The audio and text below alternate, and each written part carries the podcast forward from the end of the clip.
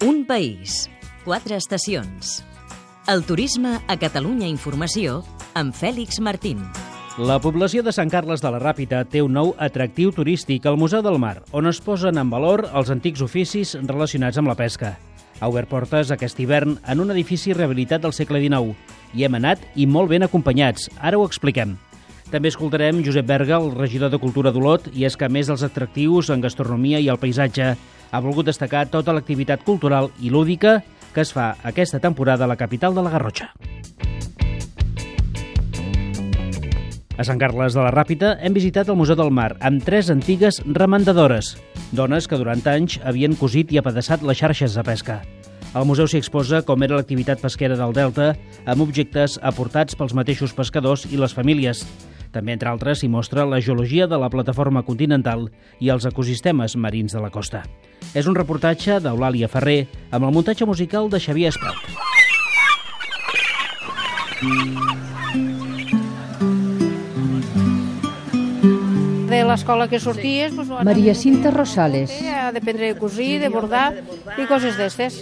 I jo, doncs, com a casa ja eren pescadors, doncs, d'aprendre a remendar. Cosir les xarxes era una feina de dones. Sovint ho feien les dones dels patrons. Nosaltres teníem barca. Mercedes I eren Navarro. quatre germanes i quan s'esgarrava ella anava d'allò, però mos ho fèiem nosaltres. Mos ho arreglàvem nosaltres. Érem amos de barca, doncs fèiem-lo de casa. Si hi havia molta feina, es contractava dones del poble, el temps que calgués, fins deixar les xarxes a punt per sortir a pescar. mariners, però amos de barca no, Maria mariners, Beltrán. pescadors, diguem-li. Los amos de barca pues, eren los patrons, que nosaltres pues, érem tots treballadors, no teníem res més que el sol que sortia.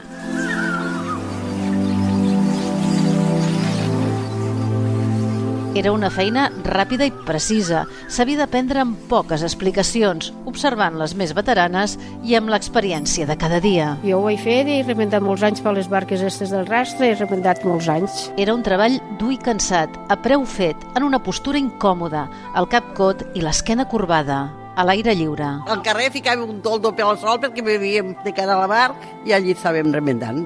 Bé, Les eines eren les tisores, capdells de cotó i agulles de remendar. Es guardava tot en una cistella. Està sentada a una cadira com aquella i en los davantals lents de fang, perquè a vegades les sàcies estaven brutes. brutes. Vaig anar uns quants, almenys 16 anys vaig anar. La cadira, les eines i el davantal de les remendadores els podeu veure al Museu del Mar. És un homenatge als antics oficis del mar. El Museu del Mar de Sant Carles de la Ràpita està obert de dimecres a diumenge. El protagonista, Soc el Josep Berga, el regidor de Cultura de la ciutat d'Olot. A veure, jo que us hauria de dir de la nostra ciutat, que ha apostat fa temps eh, per un turisme d'interior basat en tres pilars, que són el paisatge, la gastronomia i la cultura.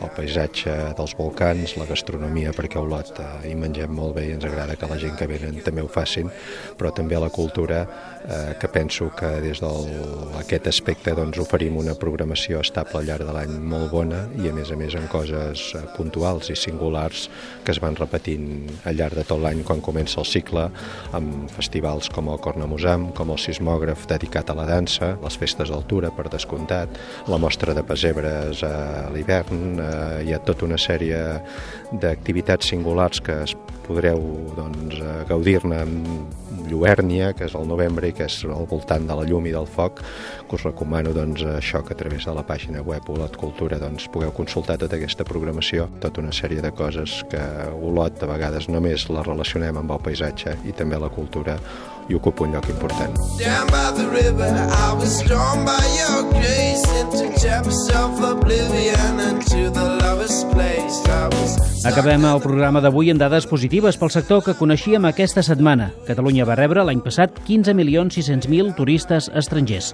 una xifra rècord, amb els francesos al capdavant, que suposa un increment del 8%.